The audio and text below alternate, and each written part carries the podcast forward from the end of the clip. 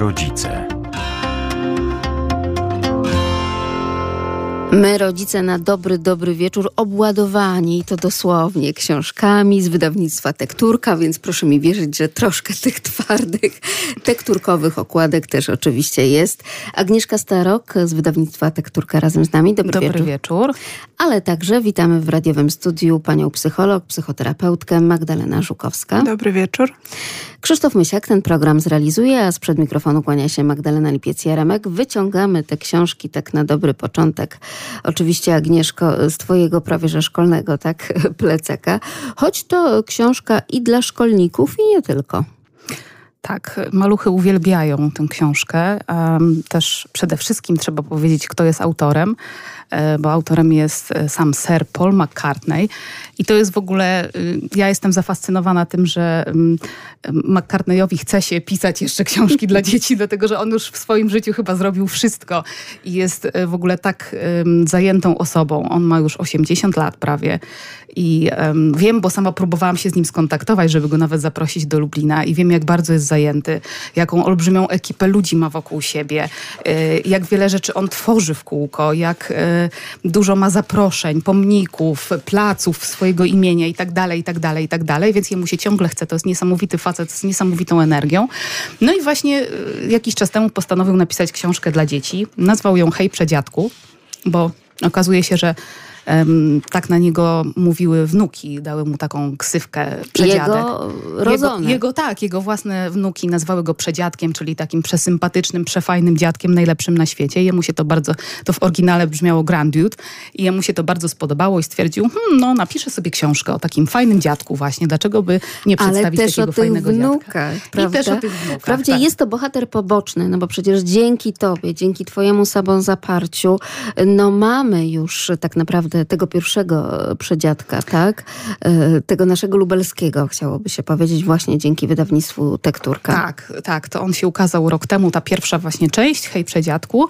E, I niby takim bohaterem pobocznym są te dzieciaki, e, no bo tam całkiem spora gromadka, prawda, tych tak, wnucząt jest. wnucząt. Ale jednak e, ci najmłodsi czytelnicy właśnie też bardzo na nich zwracają uwagę, na to, o czym myślą, o czym rozmawiają, co tam chcą zrobić i tak dalej. Tak, zresztą ja też e, otrzymałam kilka takich wiadomości, bo ten przedziadek w książce mówi na swoje wnuki Ancymony. E, I otrzymałam parę wiadomości, jak to dzieciom się tak bardzo spodobało e, to określenie ancymony, że nawet prosiły swoich rodziców, żeby zaczęli je tak nazywać. Ale jeszcze tych naście, jak nie dziesiąt lat temu, przecież takie słowo całkiem nieźle funkcjo- funkcjonowało, prawda? Chyba, nie wiem, u Makuszyńskiego spotykamy. No nie raz, właśnie, nie teraz dwa. już jakoś zapomnieliśmy, a to faktycznie ancymony. fantastyczne określenie, takie ancymony, słodkie, ale jednak trochę urwisowate. I mm, co właśnie y, najfajniejsze, to ta książka mm, zdobyła olbrzymią popularność. I to ona się obroniła sama, nie tylko właśnie przez wzgląd na samego autora, ale okazało się, że dzieciaki ją bardzo polubiły, dlatego że ona jest bardzo kolorowa, e, jest tam dużo przygód, magii. Ten przedziadek ma taką magiczną busolę, którą uruchamia i zabiera dzieciaki e, w różne fajne miejsca, bo one tam na początku zaczęły marudzić, że im się nudzi. Tak, bo to, o, wszystko się zaczyna od tego, że wychodzą jakby naprzeciw tej nudzie, tak? Tak, i, I wcale to nie jest tak, że tak jak ten y, właśnie McCartney, który tak naprawdę dużo może i rzeczywiście tak, że mógłby pstryknąć palcami i, i zabrać te dzieci realnie e, w różne wyprawy. Tutaj mamy tak naprawdę przygotował grę wyobraźni i to jest fascynujące, bo to nie jest, że on zamawia nagle, prawda, cztery czarterowe Jasne. samoloty. Tak. A na dodatek, co jest fajne, że właśnie ten dziadek jest ukazany jako, jako taki fajny, przebojowy dziadek, z którym można fajnie spędzać czas, który e, ma świetne pomysły i, i te dzieciaki, te ancymony po prostu uwielbiają z nim ten czas spędzać. No i właśnie pod wpływem sukcesu tej pierwszej części, ponoć McCartney był cały czas dopytywany, dlaczego, y, dlaczego w swojej książce nie umieścił babci, przebabci. No i obiecał w jednym z wywiadów, widziałam, że, że obiecał, że no, jak dopisze drugą część, to tam się ta przebabcia pojawi. No i szczerze mówiąc myślałam, że już nie będzie mu się chciało, ale oczywiście chciało mu się, napisał. I właśnie, e, właśnie dopiero co świeżynka wydaliśmy drugą część przygód przedziadka pod tytułem Zielona łódź podwodna przedziadka. I teraz pytanie od ciebie, no bo to też oczywiście prezenty od wydawnictwa Tekturka Agnieszka Starok razem z nami. Drodzy Państwo, proszę teraz jak najszybciej uzbroić się, no właśnie może nawet nie tyle w cierpliwość, co w szybkość w palców. Tak jest. 801 50 10 22, a także 81 743 7383, bo egzemplarze tej książki mamy dla Państwa. Pierwsze pytanie wyjściowe brzmi... Paul McCartney swojego czasu śpiewał już o jednej łodzi podwodnej, ale czy ona na pewno była zielona? Tak, jakaż to była ta łódź podwodna? O to Państwa teraz pytamy. 801 50 10 22, także 81 743 7383. A obecną jeszcze w naszym studiu panią psycholog Magdalenę Żukowską zapytamy o, nie o kolory łodzi. Chociaż swoją drogą tak kolory w takiej pracy psychologicznej z dzieckiem są bardzo ważne.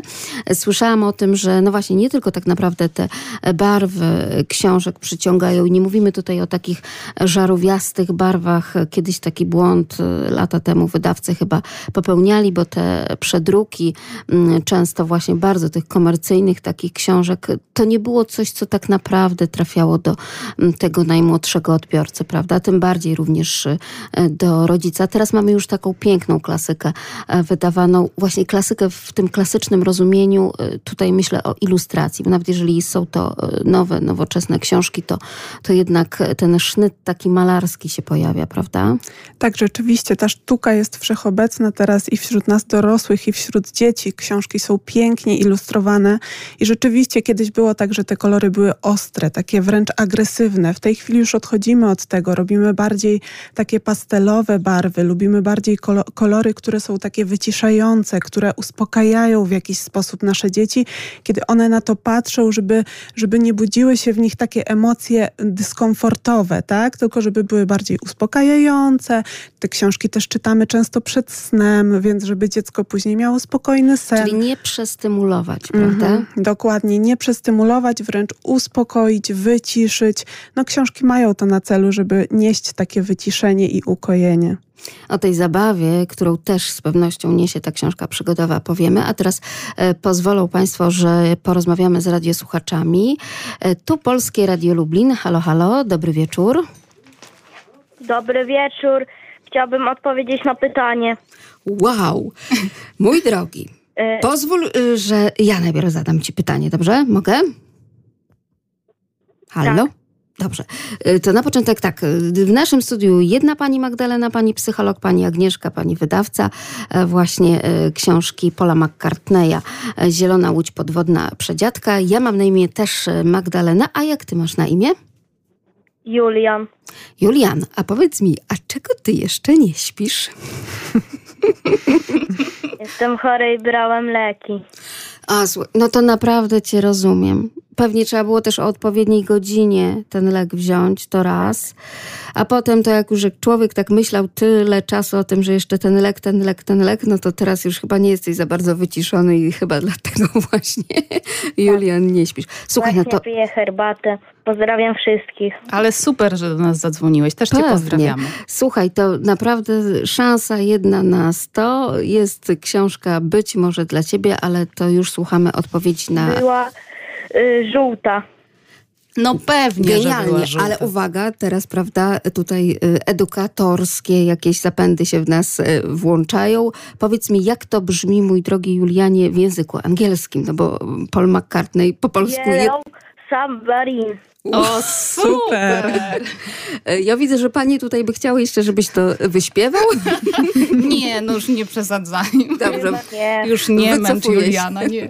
Wycofuję się. Dobra, Julian, a powiedz, jak to na przykład z tym czytaniem u ciebie? Czy ty rzeczywiście lubisz, cenisz sobie książki? No bo jednak zadzwoniłeś do konkursu, w którym nagrodą tak. jest książka. Tak.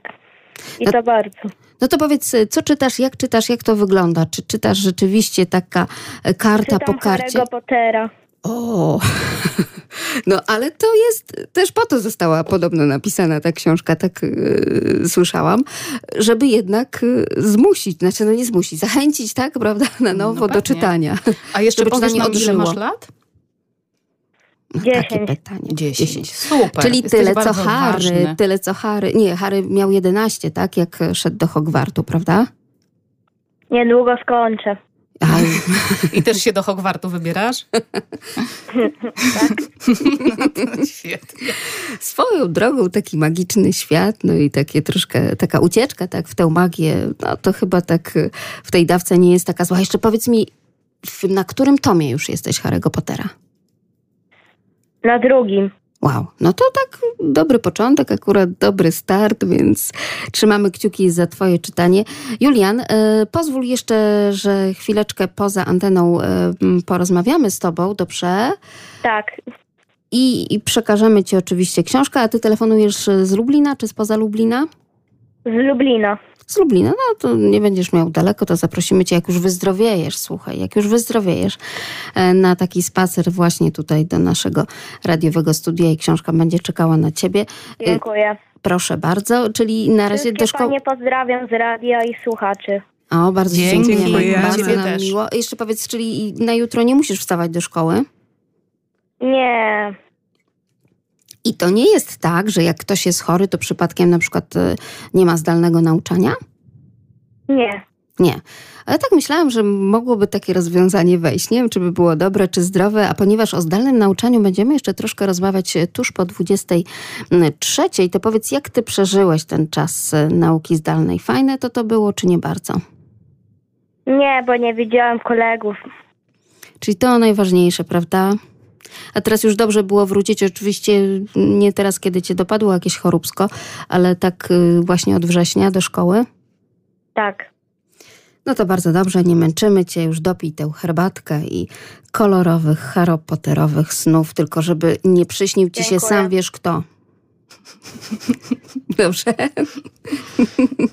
Moim skromnym zdaniem skończymy w oceanie. Magiczna opowieść autorstwa legendy muzyki Paula McCartneya i takie oto książki dzisiaj od Agnieszki Starok z wydawnictwa Tekturka naszego lubelskiego, które uzyskało pozwolenie na to, żeby te książki wydawać. To też jest takie naprawdę osiągnięcie niezłe. Zielona łódź podwodna przedziadka. Już wiemy, że kiedyś Paul McCartney wyśpiewywał o Yellow Submarine, tak? A tutaj mamy zieloną łódź podwodną. Ta zagadka już za ale za to wspomniany tutaj tak naprawdę ten atrybut przedziadka, ten atrybut książkowy przez Agnieszkę Starok to busola, prawda? Tak, i tutaj y, nasze kolejne pytanie to, co to jest właściwie ta busola? A gdyby ktoś jeszcze rozwinął, jaka jest różnica pomiędzy busolą a kompasem? E, I tak sobie myślę, że nawet teraz, kiedy takie oto celowane pytania Państwu zadajemy, to również w ten sposób można bawić się e, z książką wraz z dzieckiem, prawda? To nie zawsze jest tylko literalne odczytanie od prawa do lewa, prawda? I od lewa do prawa, od początku do końca, tam gdzie przecinek i kropka, tylko rzeczywiście można z tą książką wymyśleć coś więcej. No pewnie, myślę, że książka y, bardzo często y, skłania nas do wszelkiego rodzaju rozmów i o życiu, i o rzeczywistości. Także jasne, myślę, że książki y, jak najbardziej. Czy książki mogą być e, także taką swoistą terapią dla dziecka? Czy w ogóle pani w swojej praktyce jako psycholog, psychoterapeuta Magdalena Żukowska razem z nami również stosuje książkę?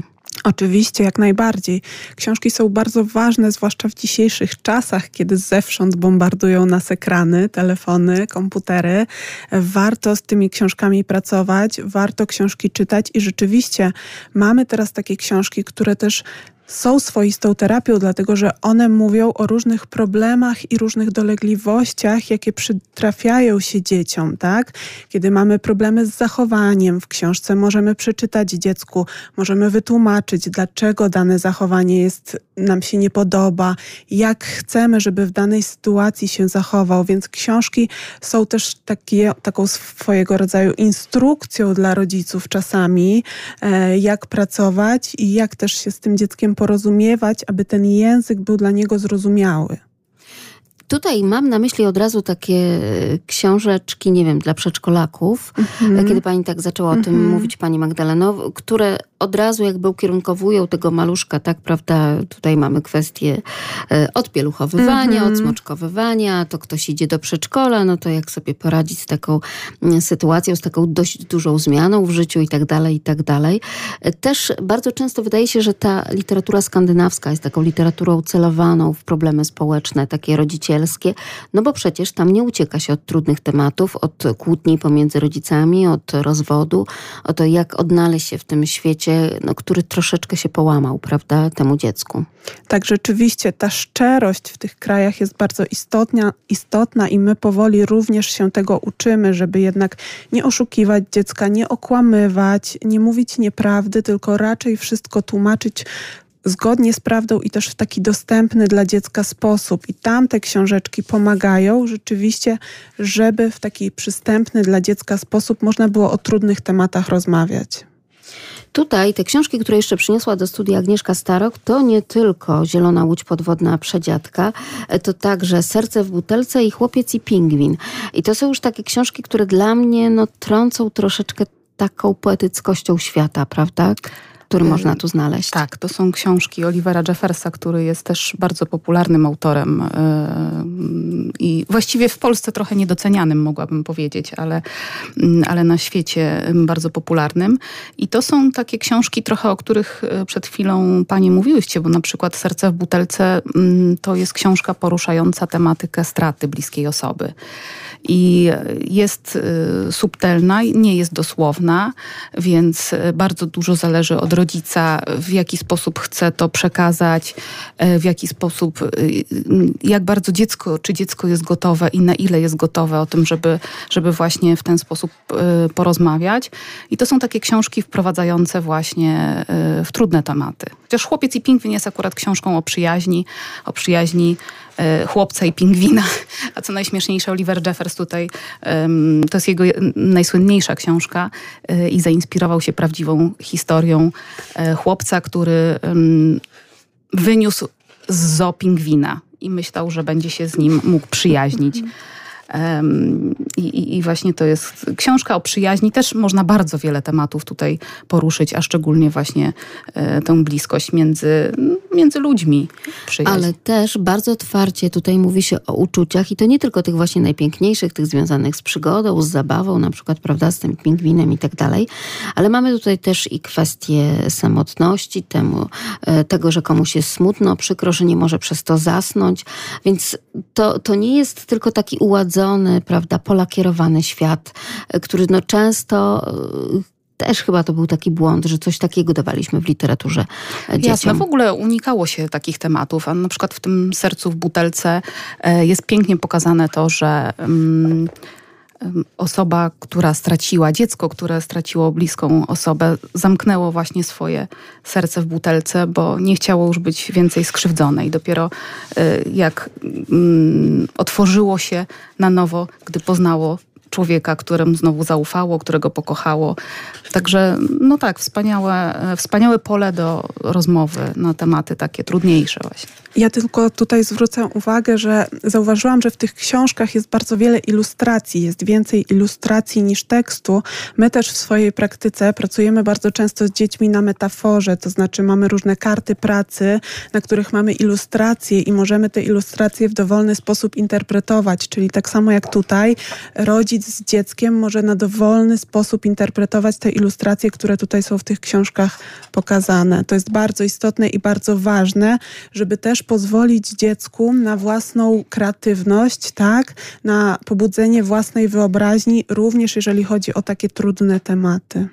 Także na to, żeby niemalże na nowo, prawda, jakby napisać obok tej historii, która toczy się w książce, no taką swoją, tak? Historię. Dokładnie, a przecież wiemy, że dzieci mają ogromną wyobraźnię i potrafią bardzo wiele rzeczy w niej stworzyć w swojej głowie i bardzo ważne, żebyśmy my jako dorośli im w tym nie przeszkadzali, tylko wręcz pomagali.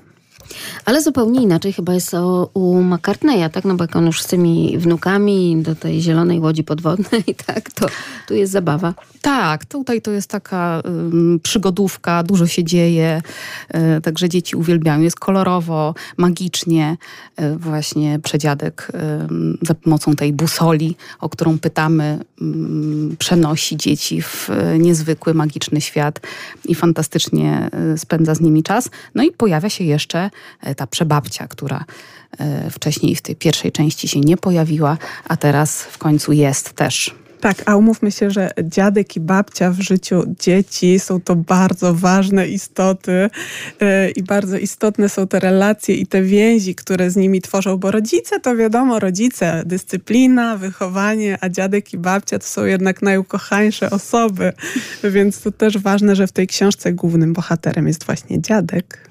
No i to, co on tam wyprawia tak z tymi dzieciakami, czyli te, e, te fajne rzeczy, które pokazuje i też pokazuje, jak można się bawić, nie wiem, gdzieś znalezioną starą pocztówką, tak, nawet, przecież tak było w tej pierwszej części, więc to e, no, unaocznia nam, że no, też ten element radości, zabawy i to, co często ty, Agnieszko, podkreślać, podkreślasz jako wydawca, że no, rodzice jakby ukierunkowani tylko na tę edukację dziecka, na ten rozwój jego, jakby zapominają, że literatura służy też przede wszystkim do takiej zabawy, do prawda? Zabawy, tak. Ale tutaj zauważyłam akurat w przypadku tej książki, tej pierwszej części e, Hej Przedziadku, że mm, ona się spotkała z bardzo ciepłym przyjęciem zarówno rodziców, bo rodzice widzieli też, jak dzieci żywiołowo reagują i dostaliśmy mnóstwo, mnóstwo wiadomości, że, mm, że to jest ulubiona książka dzieci, takich przeważnie młodszych e, przedszkolaków, tak? No bo tutaj tutaj nie ma mm, za dużo tekstu, ale, ale właśnie to jest taka typowa dla przedszkolaków przygodówka, w której dużo się dzieje, więc e, dlatego pewnie Paul skusił się, żeby napisać drugą część. I muszę jeszcze powiedzieć, że udało nam się wydać tę książkę dzień po światowej premierze. Jest już, e, to było dosłownie parę dni temu i ona jest już dostępna u nas też w języku polskim. U nas w studiu radiowym też jest dostępna, ale tylko chwilowo, bo to oczywiście książki, e, które przyniosła Agnieszka Starok dla Państwa, dla naszych radiosłuchaczy. 801 50 10 22, także 81 743 7383. Te książki czekają na Państwa, czekają na Państwa dzieci, czekają po to, żeby wziąć je w dłonie, takie te dłonie i osoby starsze, i osoby młodsze i wspólnie poczytać. Mówiliśmy dużo o kolorach, ale znalazłam całą jedną czarną stronę, no bo w jakichś głębinach przecież, no jak łódź podwodna, no to tam też no jesteśmy. Właśnie. I uwaga, drodzy Państwo, zrobiło się tak ciemno, że przedziadek nie mógł znaleźć swojej magicznej busoli. Nawet on miał lekkiego Pietra. No to tak podpytajmy Państwa w takim razie, cóż to jest ta busola i jakie są różnice pomiędzy busolą a kompasem. Halo, halo, dobry wieczór. A dzień dobry. Dzień dobry, witamy. Yy, jakie są różnice? Tak, i jaka jest znaczy, busola? Mhm. Znaczy, tak, yy, busola jest bardziej yy, taka, bardziej zaawansowana. Od, różni, różni się tym, że wskazuje azymut. Tak, czyli pomaga w takim wyznaczaniu już konkretnym kierunku, tak, prawda? Tak, tak, Nie wskazuje tylko i wyłącznie e, na tym, no bo też, e, a co w sobie ma właśnie, co pomaga wskazywać jakby? Czy to jest wmontowany nowoczesny GPS? Czy... No. Jest ta igła magnetyczna, tak? Która wyznacza ten kierunek świata, północ. Świetnie. No ja wiem, że tak 20 minut przed 23 to jest tak ciężki czas na takie geograficzne i nawigacyjne pytania, ale świetnie sobie pani z tym e, poradziła. Jak rozumiem, ma pani apetyt na tę książkę, na Zieloną Łódź Podwodną? No, zdecydowanie. Moje, moje maleństwo teraz śpi właśnie, ale, ale na pewno będzie, na pewno się ucieszy.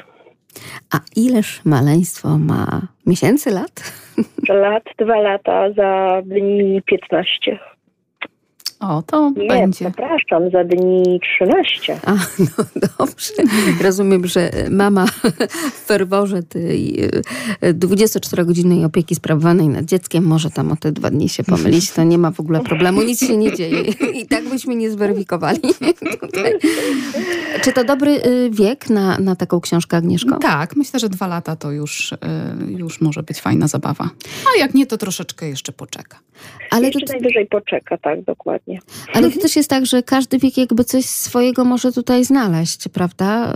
I inaczej jeszcze, że z wiekiem odkrywamy zupełnie inne jakby strony metafory książki. Jasne, tym bardziej, że też tutaj jest bardzo kolorowo i tak myślę, że będzie się podobała.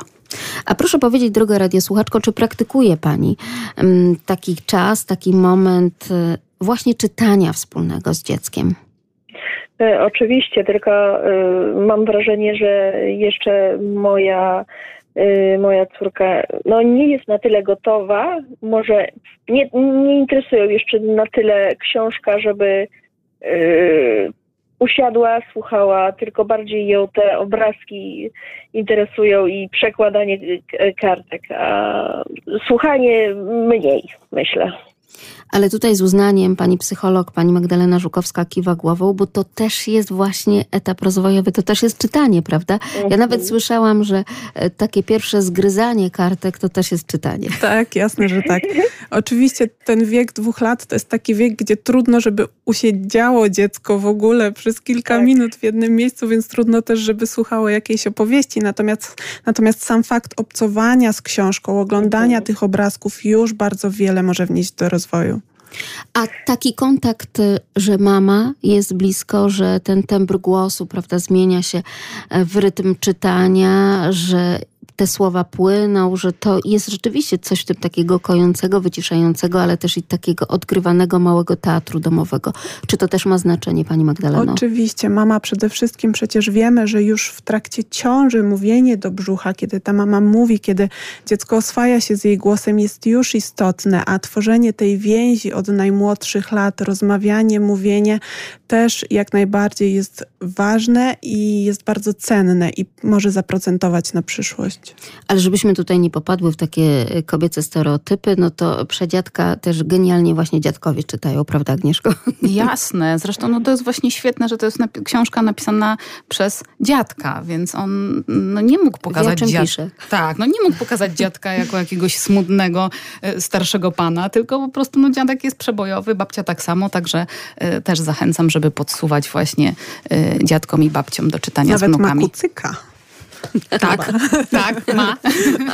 ma, przedziadek ma kucyka. Tak. Jak to, jak to właśnie artysta, tak? Więc to wszystko widać tak, a nie inaczej. W takim razie właśnie ta jedna z książek z wydawnictwa Tekturka, Zielona Łódź Podwodna Przedziadka trafia do pani i do maleńkiej istotki, która teraz sobie smacznie śpi. Nie tak jak Julek. Ale wierzymy, że Julek też już pewnie się położył, już wymęczony tą chorobą, tym przyjmowaniem lekarstw i tak dalej, i tak dalej, bo sen to podobno najlepsze lekarstwo, ale my nie chcemy, żeby Państwo mm, zasypiali. Nie, nie, wręcz przeciwnie, proszę jeszcze ciągle z nami pozostać. Bardzo pięknie Pani dziękujemy za telefon. Dziękuję serdecznie. Dziękuję, dobranoc. 801 50 10 22, także 81 743 7383. Drodzy Państwo, powracamy jeszcze do tych książek, y, y, które teraz zostały wydane przez wydawnictwo Tekturka, czyli mamy tutaj nie tylko y, Paula McCartneya, ale mamy właśnie także i to Serce w butelce i tego chłopca i pingwina. To jest taka literatura, której teraz y, chętnie rodzice poszukują dla dzieci. Jak najbardziej, tak. Chociaż tak jak rozmawiałyśmy wcześniej, te książki się trochę od siebie różnią, bo tak jak zwróciłaś uwagę, książki Olivera Jeffersa są bardziej em, poetyckie, mm, poruszają trochę inne tematy, a y, książka Paula McCartneya to jest mm, typowa książka y, rozrywkowo-przygodowa, y, ale tak, jak najbardziej. Rodzice teraz bardzo mm, zwracają uwagę też na to, jak książki są wydane, ja- jakie są tematyki, także poszukują właśnie takich perełek. Zwłaszcza, że ten rynek jest całkiem, całkiem bogaty. Jest w czym wybierać, ale to też dobrze, że to nie jest tak, że rodzice rzucają się na pierwszą, lepszą, prawda, jakąś kolorową pozycję, tylko no, poszukują coś, co może no, wzbogacić po prostu ich dziecko. Tak, jest dużo takich rodziców. Ja muszę powiedzieć, że nawet czasami jestem zaskoczona, jak dużo czasu rodzice mogą poświęcić na, na wybranie książki. I e, zauważyłam, że często też um, lubią pytać się w internecie o opinie innych, oglądać jak książka wygląda w środku, przeanalizować. Stąd tak bardzo tak, popularne tak. te opinie, które blogujące mamy gdzieś tam prezentują, tak, prawda, na tak, tych tak. różnych portalach społecznościowych, mhm. ale też i na swoich e, stronach, więc e, to też dużo jakby e, pokazuje, prawda? I inspiracją może być dla kolejnego rodzica. Wracając jeszcze tutaj do tej książki e, Zielona Łódź Podwodna, Przedziadka, tutaj rzeczywiście mamy ten podwodny świat. E, jest on taki prawdziwy, czy typowo bajkowy, mityczny? Mm, myślę, że to jest połączenie takiego prawdziwego i, i takiego mitycznego.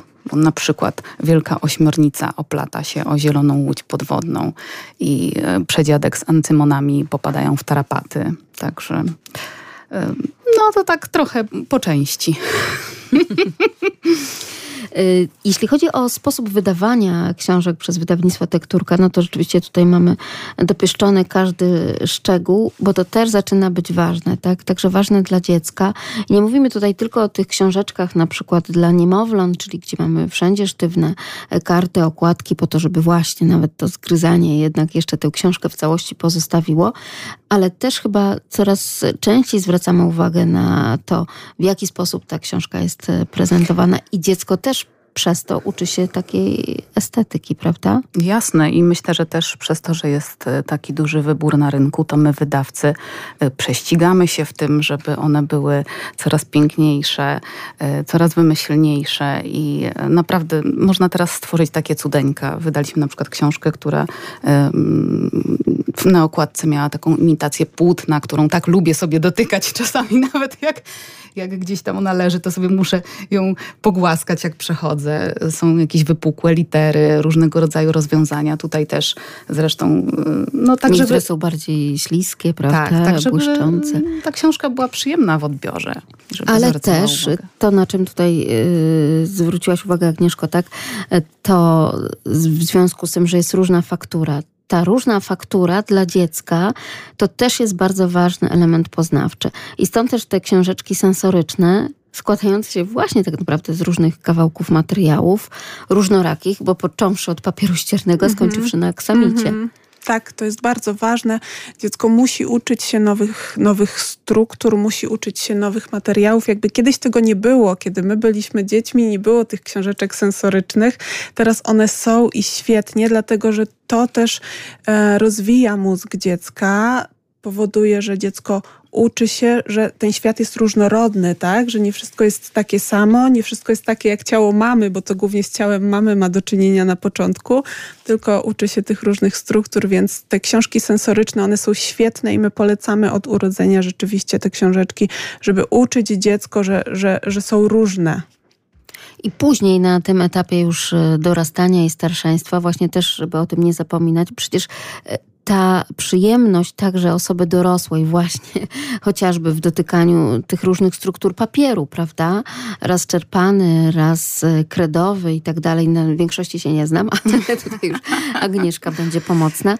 E, to też jest dla nas taka przyjemność obcowania, prawda? No świetnie. Znaczy oczywiście, no zresztą e, dorośli też lubią przecież obcować z fajnie wydaną książką. No przynajmniej ja lubię i wiem, że może ja tutaj jestem troszeczkę Skrzywiona zawodowo? Skrzywiona zawodowo, bo ja jak sobie zamówię nowe książki, to się do nich przytulam, jak przychodzą, więc, więc to fakt, na pewno jestem skrzywiona, ale ja sobie bardzo lubię na przykład e, w jakiś tam sposób obcować z książką, która jest ładnie wydana. Tak, przyjemność, ale też te książki mogą nam zasygnalizować pewne problemy, dlatego że bardzo częstą dolegliwością są teraz zaburzenia integracji sensorycznej u dzieci, a te książki w momencie, gdy dziecko nie chce dotykać tych różnych struktur, gdy się wzbrania, mogą być jedną z oznak tego, że rzeczywiście te zaburzenia integracji sensorycznej mogą się pojawiać. Tu powiedziała Pani, że no kiedyś, jak my byliśmy dziećmi, nie było takich książeczek sensorycznych, nie było terapii SI, prawda? Też, tak. Ale czy tamten świat, taki, kiedy no, jakoś tak łatwiej rodzicom przychodziło wypuszczenie dziecka na ogród bez e, skarpet, prawda, na boso i tak dalej, e, właśnie to dotykanie, obcowanie różnych struktur, nawet w domu, w gospodarstwie domowym, e, czy to wtedy tak y, nie uczyło takiej sensoryki? Oczywiście też uczyło i to uczyło w naturalny sposób. I teraz też staramy się o tym mówić, żeby nie chronić dziecka za wszelką cenę przed wszystkim, czyli żeby puszczać dziecko na trawie bez butów, tak, żeby mogło bawić się w błocie, żeby też poznawało różnego rodzaju zarazki, różnego rodzaju bakterie dla własnego zdrowia, więc to jest bardzo ważne. Ale oczywiście książeczki, jeżeli nie ma takiej możliwości, no bo przecież nie wszyscy mają domy, mają ogrody, tak, nie ma możliwości też czasami czasami spędzać dużo tego czasu na świeżym powietrzu na dworze, to takie książeczki również wtedy są pomocne. Bo potem przychodzą takie kwiatki. Jak pamiętam, jedna z pań pedagog opowiadała tutaj e, przed naszymi mikrofonami, że wtedy, kiedy podjęła się wraz z klasą, a niedługo taki czas również przyjdzie znów po raz kolejny, mm, lepienia pierniczków, to dzieci brzydziły się dotknąć struktury ciasta. Przecież nie dość tego pachnącego, tak naprawdę tam przesyconego tymi, i to dzieci w klasie pierwszej, drugiej, tak, szkoły podstawowej, no to jeszcze przecież jakby mm, właśnie to miętolenie, miesz, mieszanie tego ciasta i ugniatanie go na nowo, przelewanie przez palce i tak dalej, no to wydawało się zawsze to genialną zabawą, prawda? To tak jak właśnie te pączki z błota. Mhm, tak, kiedy, tak jak mówiłyśmy, kiedy my byliśmy mali, to było puszczone wypuszczanie nas na dwór, y, mogliśmy wychowywać się pod blokiem, tak? Później był taki etap, rzeczywiście obserwujemy taki etap, że próbowano ustrzec dziecko przed wszystkim, to znaczy ta opieka, takie dbanie nadmierne nawet o to dziecko. W tej chwili znów to się już zmienia i uczymy raczej tego, żeby rzeczywiście pozwalać dziecku obcować z tą naturą, pozwalać obcować z, różnymi, z różnymi rzeczami, dlatego że dziecko uczy się przez doświadczenie, przez doświadczenie i przez obserwację. Żebyśmy nie wiem, ile dziecku tłumaczyli różne rzeczy, to ono i tak może tego nie zrozumieć, jeżeli samo tego nie doświadczy i to doświadczanie jest dobre. Ja mówię u siebie w gabinecie, że o ile coś nie zagraża życiu lub zdrowiu, to należy pozwolić, tak?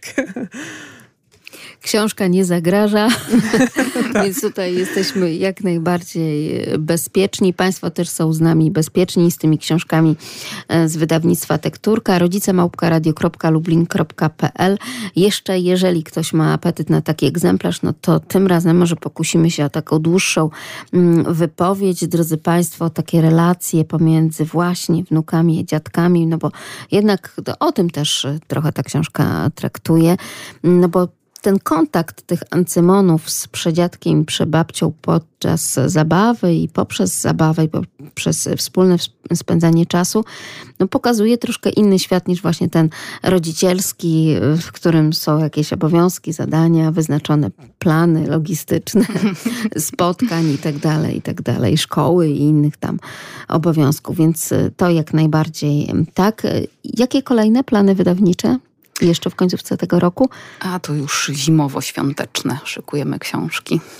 To też jest taki czas, kiedy no tak y, wzmożone jest poszukiwanie, prawda? Żeby tak, Mikołaj miał co włożyć. Po, poszukiwanie książek świątecznych zaczyna się już od września u naszych czytelników. Naprawdę, naprawdę, naprawdę tak. tak. Mamy już bardzo dużo pytań od września, właściwie o książki świąteczne, więc... więc... A to też taka moda troszeczkę ostatnich lat, że chcielibyśmy jakby w danym okresie mm, no właśnie, tak czytać dziecku to, o czym co pasuje jest, do, tak, do, i co jest gdzieś tam nas. do pory roku, czy, czy do wydarzeń, które tak. I te książki świąteczne, muszę powiedzieć, że się cieszą bardzo dużą popularnością. A w tym roku wydajemy y, książkę, która jest genialna. Dwie właściwie, ale jedna jest naprawdę wyjątkowa. Y, nazywa się Święty Mikołaj i Ty możesz mu pomóc. I to jest książka właśnie, która ma mnóstwo takich okienek, ruszających się elementów, ma grę.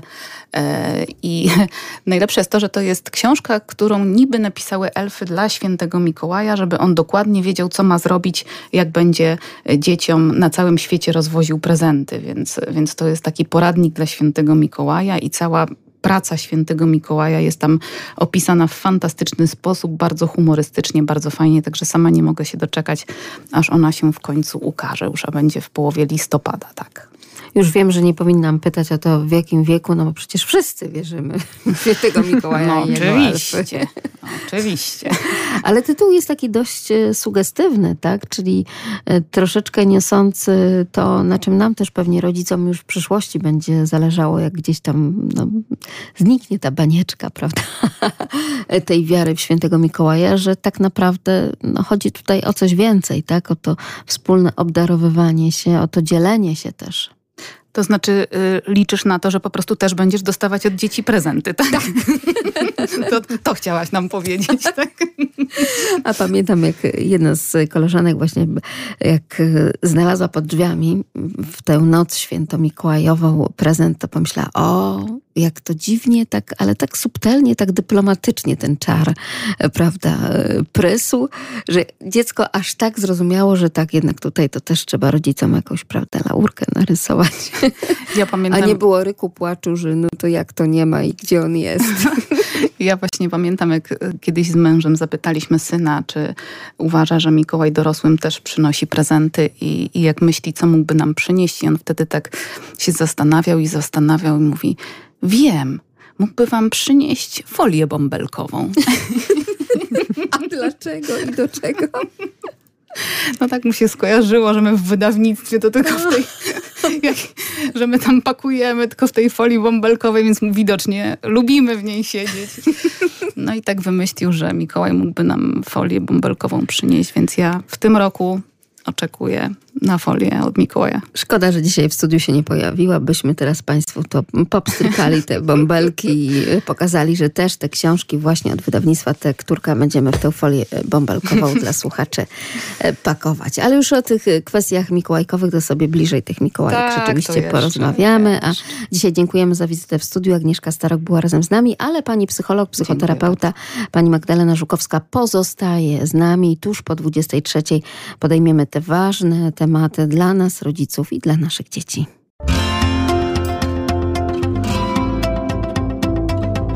My, rodzice.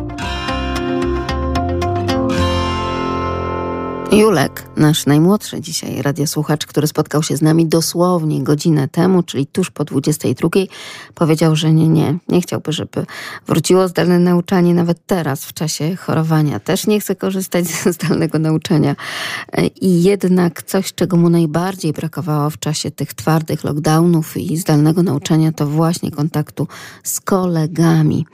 Jak wygląda kondycja dzieci i młodzieży po tym no, okropnym tak naprawdę czasie, czasie, który ciągle jeszcze się nie kończy, czasie, który sprawia, że żyjemy w zupełnie innym świecie niż ten, do którego byliśmy przyzwyczajeni przez lata. My dorośli, ale także nasze dzieci. O tym teraz porozmawiamy z naszym gościem, a naszym ekspertem będzie psycholog Magdalena Żukowska, pani psycholog i pani psychoterapeuta. Jak to jest? Czy teraz rzeczywiście częściej pani otwiera te drzwi do swojego gabinetu? Czy więcej osób do niego puka po prostu?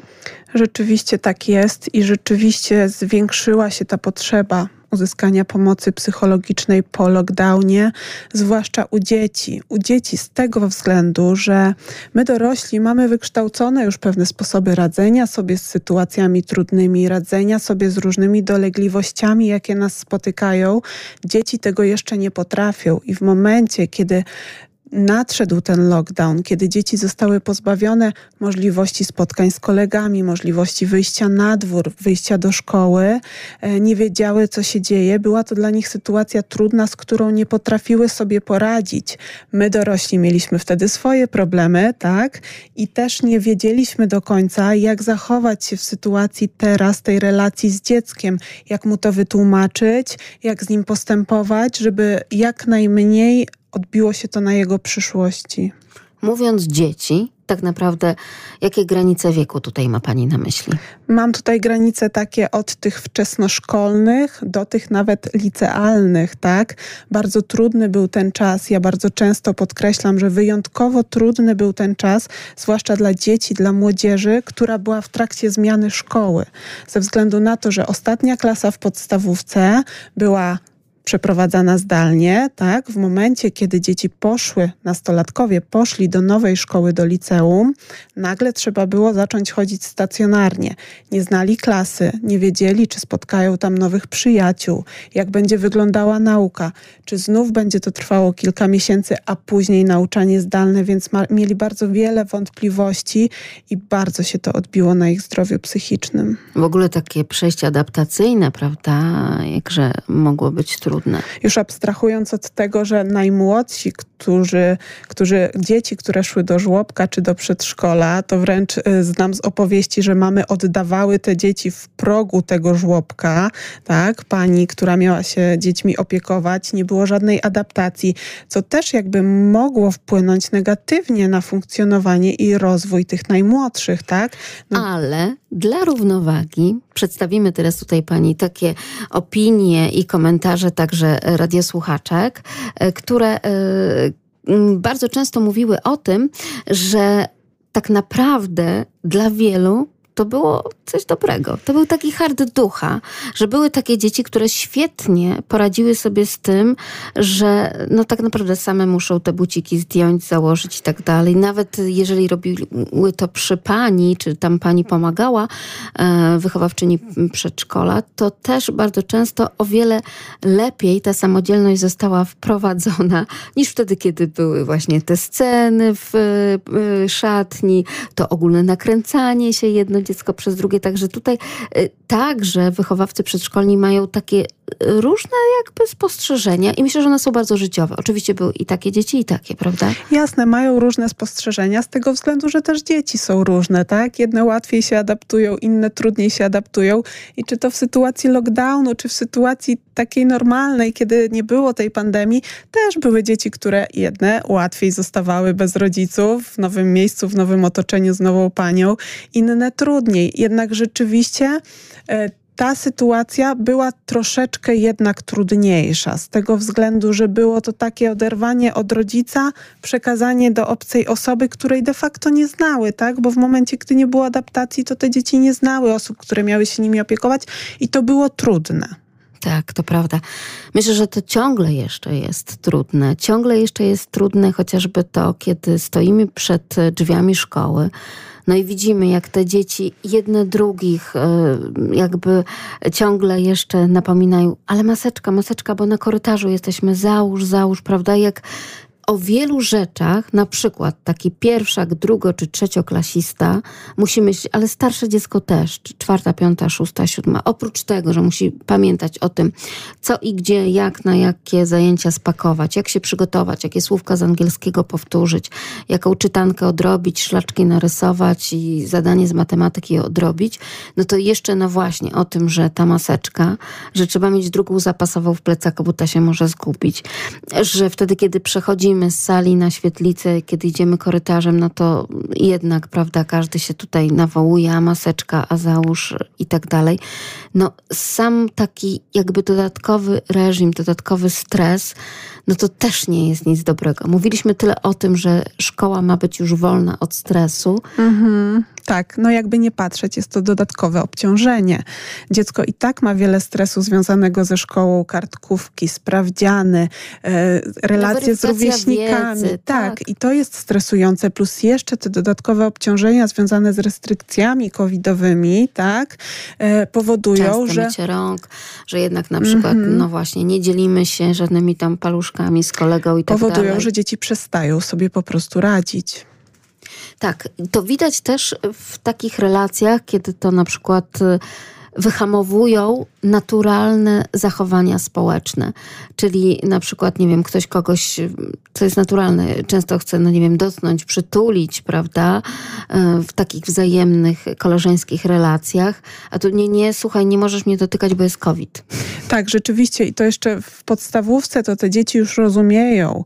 Gorzej jest w tych młodszych klasach. Ja sama mam i w tych młodszych instytucjach, ja sama mam trzyletnią córkę, która do każdego podbiega na ulicy i mówi, chce się przytulić, chce, chce się przytulić tak, do każdego dziecka.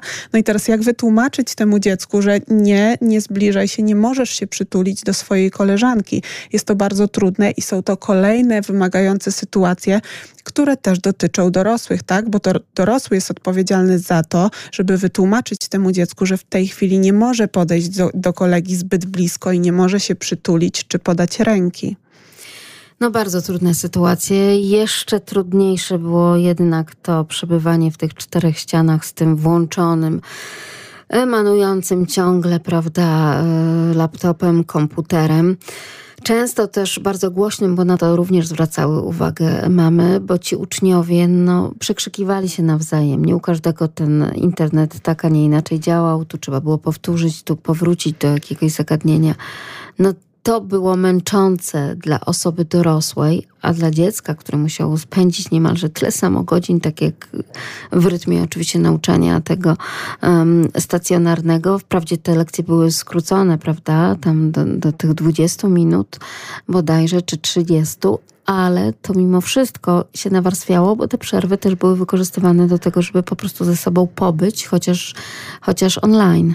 Tak, w swoim gabinecie mam aktualnie bardzo wielu pacjentów, e, młodych pacjentów w wieku tak 12-16 lat, u których zdecydowanie nasiliły się, wręcz pojawiły się objawy depresyjne, objawy lękowe w momencie pandemii, tak?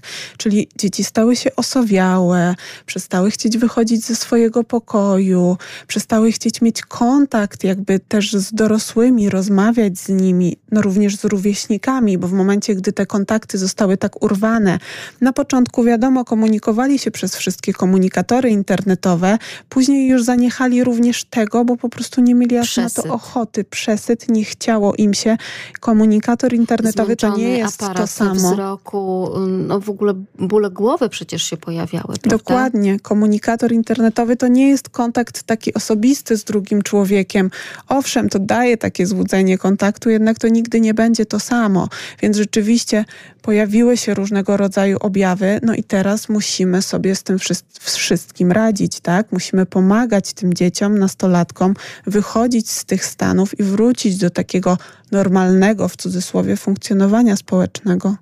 Co powinno zaniepokoić?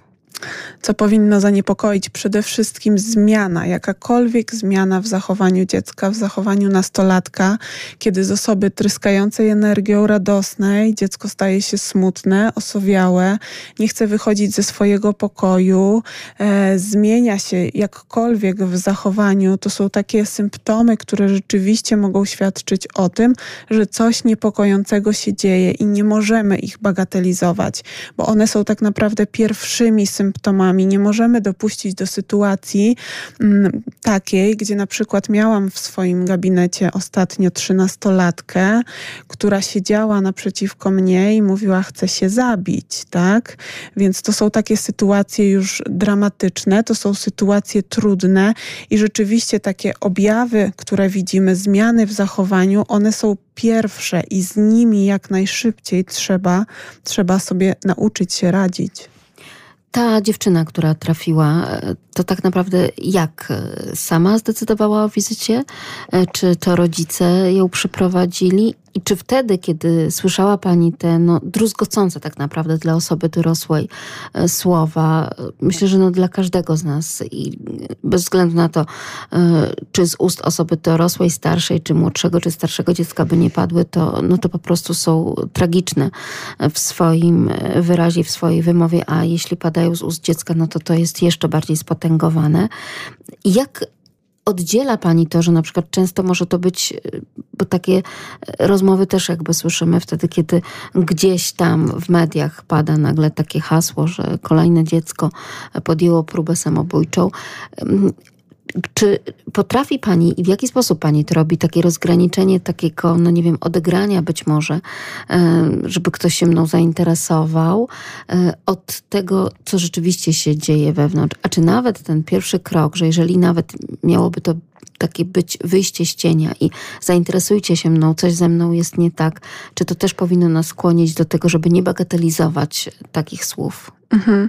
Nigdy nie wolno bagatelizować żadnych słów dziecka. I teraz panuje takie przekonanie, ja często spotykam się z takimi głosami, że jeżeli ktoś mówi o samobójstwie, to on go nie popełni. I to niestety nie do końca jest prawda, dlatego że badania pokazują, że w 80% osoby, które chcą popełnić samobójstwo, one o tym wcześniej mówią. One to pokazują w jakiś sposób, więc bycie uważnym jest tutaj bardzo istotne, bo to nie jest tak, że osoba, która mówi, że chce się zabić, ona tego nie zrobi, ona chce zwrócić na siebie uwagę. Być może tak jest, być może jej celem rzeczywiście tak jak tutaj w przypadku 13-14-latki, jest zwrócenie uwagi rodziców, natomiast to są takie słowa, których nie wolno bagatelizować, żadnych słów nie wolno bagatelizować, czy takich, kiedy dziecko mówi, że jest mu źle, że sobie z czymś nie radzi, że coś sprawia mu trudność. Z naszej perspektywy jako dorosłego to mogą być błahostki, tak? Yy, pokłóciłam się z koleżanką, ale dla tej dziewczynki, dla tego chłopca to może być koniec świata i ono może sobie nie potrafić, to dziecko poradzić z tą tą sytuacją. Więc nie wolno bagatelizować żadnych słów i rzeczywiście Rozmowa jest tutaj bardzo ważna. My w gabinecie weryfikujemy, rozmawiamy z tymi dziećmi, z tymi nastolatkami, staramy się jak najwięcej dowiedzieć. Jeżeli uznamy, że sytuacja jest już bardzo zaostrzona, no to oczywiście są odpowiednie służby i odpowiednie instytucje, które musimy zawiadomić. Rozmawiamy również z rodzicem, natomiast to rozmowa, rozmowa i jeszcze raz rozmowa, czy to rozmowa rodzica z dzieckiem, czy rozmowa dziecka ze specjalistą. I rzeczywiście akurat w tym przypadku było tak, że dziewczyna sama chciała spotkać się z psychologiem i być może porozmawiać było już tak trudno i odczuwała taki ból. Natomiast jeżeli też widzimy, że z naszym dzieckiem dzieje się coś niepokojącego, rozmawiajmy na temat możliwości spotkania ze specjalistą bo to może rzeczywiście być tym pierwszym e, pozytywnym krokiem, prawda? Bo to może uratować mu po prostu życie. Dlaczego, co się w ogóle zmieniło w Polsce, że jest tak źle, że te statystyki ogólnoświatowe pokazują, że to właśnie polskie dzieci najczęściej podejmują próby samobójcze? Tak, Polska jest w czołówce, jeżeli chodzi o próby samobójcze i w ogóle o samobójstwa wśród dzieci. Hmm, może to wynikać z tego i też jednym z głównych powodów dlaczego tak się dzieje, jest fakt, że dzieci w naszym kraju są bardzo samotne. One są samotne w relacjach, są samotne w swoich problemach, w swoich trudnościach. My, jako dorośli, mamy swoje sprawy, mamy swoją pracę, mamy swoje zobowiązania, mamy, musimy zarabiać pieniądze, tak? Mamy bardzo dużo obowiązków też później. I dzieje się niestety tak, że dziecko zostaje ze swoimi problemami bardzo często samo. A ono Ale nie ja... potrafi sobie z nimi samo poradzić. Od tego jesteśmy my, jako dorośli, jako rodzice, żeby wspierać to dziecko, żeby mu pomagać, bo ono jeszcze nie potrafi. Powiedziała Pani, że nasze dzieci, polskie dzieci są samotne, no ale jak samotne, jak nie wiem, mają grupę klasową, przedszkolną, mają spotkania, mają, nie wiem, tańce, balety, tenisy i tak dalej. I tam mhm. też przecież spotykają się z rówieśnikami. Ale tam nie ma ich rodziców. A to rodzice są najważniejsi w życiu dzieci. To ta więź z matką, więź z ojcem jest najważniejsza. E, I to ta więź nawiązana w bardzo wczesnych latach procentuje później na przyszłość. Jeżeli zapewnimy dziecku poczucie bezpieczeństwa, będzie ono się czuło bezpiecznie, będzie się czuło dobrze, to ono później w przyszłości będzie miało łatwość, żeby dzielić się z nami swoimi trudnościami, bo wie, będzie wiedziało, że nie, zostaną, nie zostaną one zbagatelizowane, tylko zostanie, zostanie wysłuchane. Być może spróbujemy wspólnie znaleźć jakieś rozwiązanie. I jeżeli teraz e, rozmawia, kiedy ma tych kilka lat, no to jeżeli będzie miało kilkanaście, to też będzie rozmawiało, tak? Jest duża szansa, że tak będzie. A jak to wygląda, jeśli chodzi o te statystyki, o te procenty? Mhm. No, tak jak powiedziałam wcześniej, 80% osób, 80% dzieci, 80%, jeżeli chodzi o dzieci i osoby dorosłe, tutaj mówimy, sygnalizuje to, że chce popełnić samobójstwo albo że chce podjąć jakąś próbę samobójczą, więc należy na to zwracać uwagę. Z tego co pamiętam, Polska jest chyba szóstym krajem na świecie, czwartym w Europie, jeżeli chodzi o liczbę samobójstw wśród dzieci, więc to jest, to jest ogromnie wysokie miejsce. To jest ogromnie wysokie miejsce.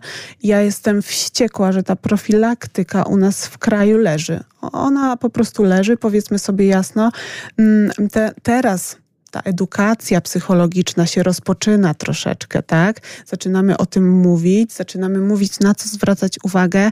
Jeszcze kilka, kilkanaście lat temu tego nie było. No to proszę powiedzieć, co zrobić? Czyli tak, rodzic, nie wiem, zależałoby pani też na tym, żeby to jednak także środowisko na przykład nauczycielskie, tak, w jakiś sposób te sygnały weryfikowało i kierowało rzeczywiście do tych placówek. No, w gruncie rzeczy w każdej szkole jest y, psycholog, tak? Pedagog szkolny. Jest psycholog i pedagog szkolny, aczkolwiek ich, ich, jest ciągle za mało, tak? Na tyle, ile jest dzieci w szkołach, tych psychologów, pedagogów jest za mało i rzeczywiście pierwszą linią tutaj jest rodzic. Później pojawia się szkoła, przedszkole i to nauczyciele również mogliby być edukowani w tym kierunku, aby te sygnały jakoś rozpoznawać, tak?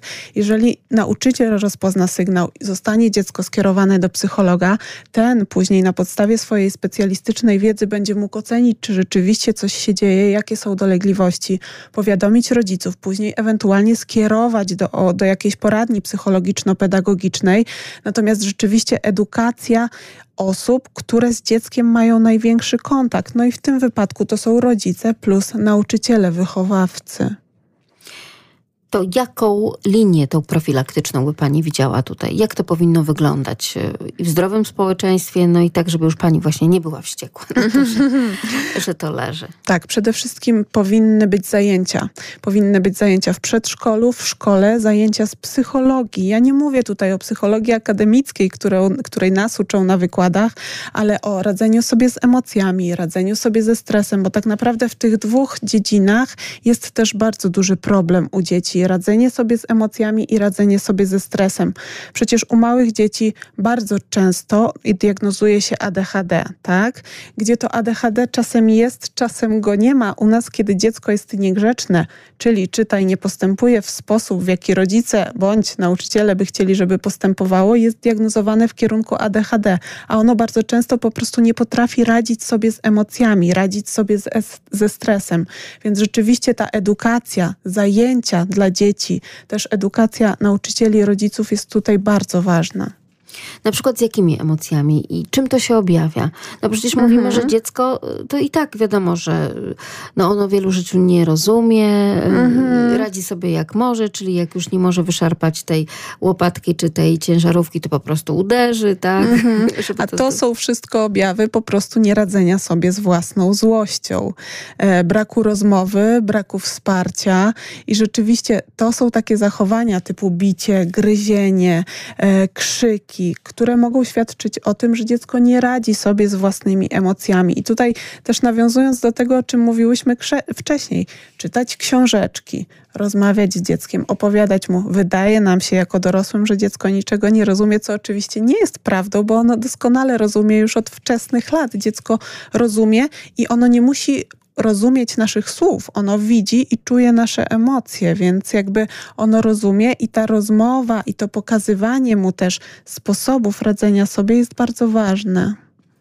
A czy to, że rodzeństwo tam gdzieś, prawda, to się szarpnie, tam krzyknie, tutaj to sobie zabierze, tam to podbierze, to też nie radzenie z emocjami? Czy, bo już tak się mówię, przecież wiadomo, że jak byli rodzeństwem, to się tłukli, tłuką i tłuc będą, tak? No jasne, że tak. I to są jakby naturalne zachowania w rodzinie i to są naturalne zachowania jakby Takie w większej grupie. Liny, sprawdzanie, Jasne, że kto tak. tu rządzi. Jasne, że tak. Ja mówię tutaj o zachowaniach, które wykraczają poza jakieś akceptowalne społecznie i akceptowalne przez nas rodziców normy. Bo Na naturalnym jest, naturalnym jest, że dziecko płacze, czy że dziecko czasem krzyknie, tak? A, ale o ile nie jest to w nadmiarze, bo w momencie, gdy to zaczyna się w nadmiarze, czyli była u mnie ostatnio w gabinecie mama, rozmawiałyśmy o jej synu, który ma lat dwa i pół i mówiła, że boi się czasami w lecie, bała się zakładać koszulkę z krótkim rękawem ze względu na to, że całe ręce miała pogryzione i wyglądała jakby miała jakiegoś gryzonia w domu, a nie dziecko. Więc jeżeli takie sytuacje mają miejsce, no to już może świadczyć, że dzieje się tam coś niepokojącego. I jak potem, no nie wiem, wyprostować to dziecko? Tak?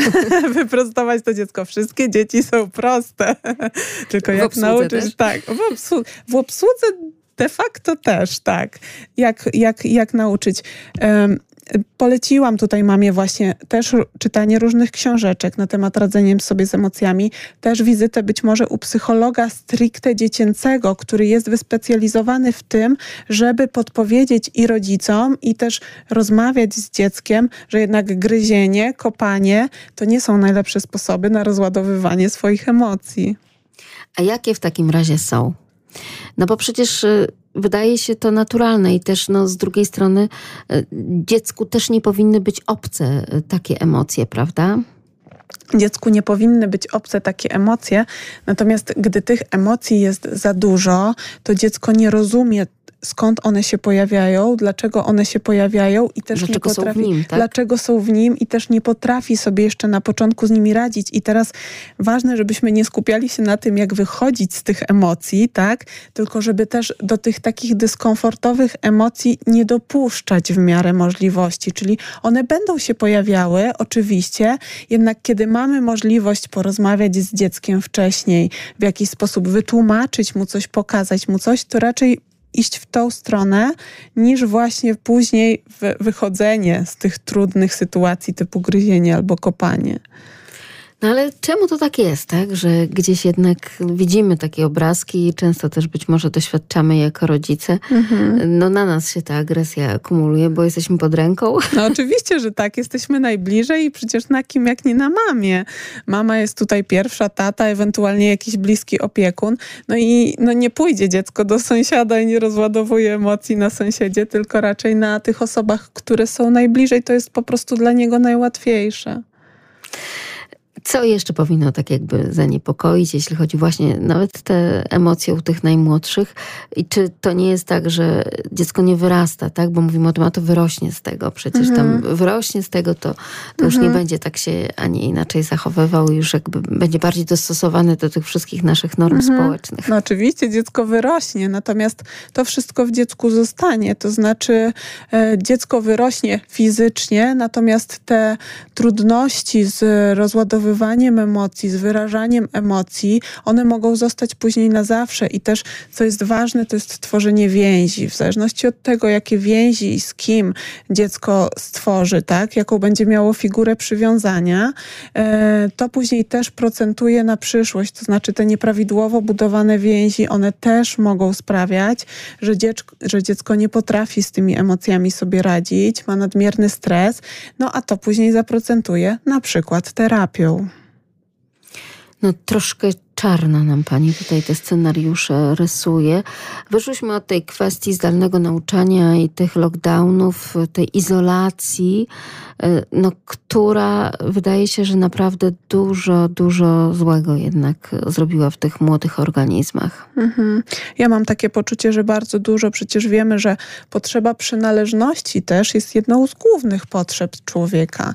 Ta taka młoda osoba, ona musi przynależeć do jakiejś grupy, do klasy, klasy, do grupy znajomych. W momencie, gdy ta potrzeba nie jest zaspokajana, no to tak jak z każdą inną potrzebą, pojawiają się różne dolegliwości, albo jeden może być zły, sfrustrowany i wściekły, druga osoba zamknie się w sobie, co może prowadzić później do bardzo traumatycznych wręcz wydarzeń.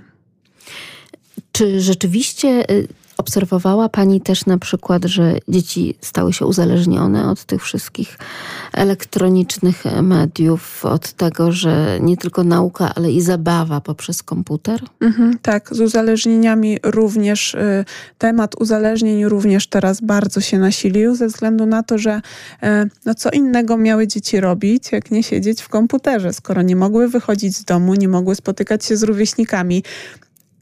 Jedne próbowały czytać książki, inne tych książek nie lubiły czytać, w związku z czym pojawiły się gry komputerowe i w momencie, gdy było zdalne nauczanie, dzieci były w tym komputerze na lekcjach, później, gdy kończyło się zdalne nauczanie, to były w komputerze w grach. więc te uzależnienia od telefonów, uzależnienia od komputerów rzeczywiście również się pojawiły. No to w takim razie jak przeprowadzić y, taki detoks od tego wszystkiego, no i też y, no, jakby wejść na te równiejsze tory, tak, że e, równowaga pomiędzy takimi a takimi e, zachowaniami, mhm. jeśli chodzi również o korzystanie z różnego rodzaju mediów. Mhm.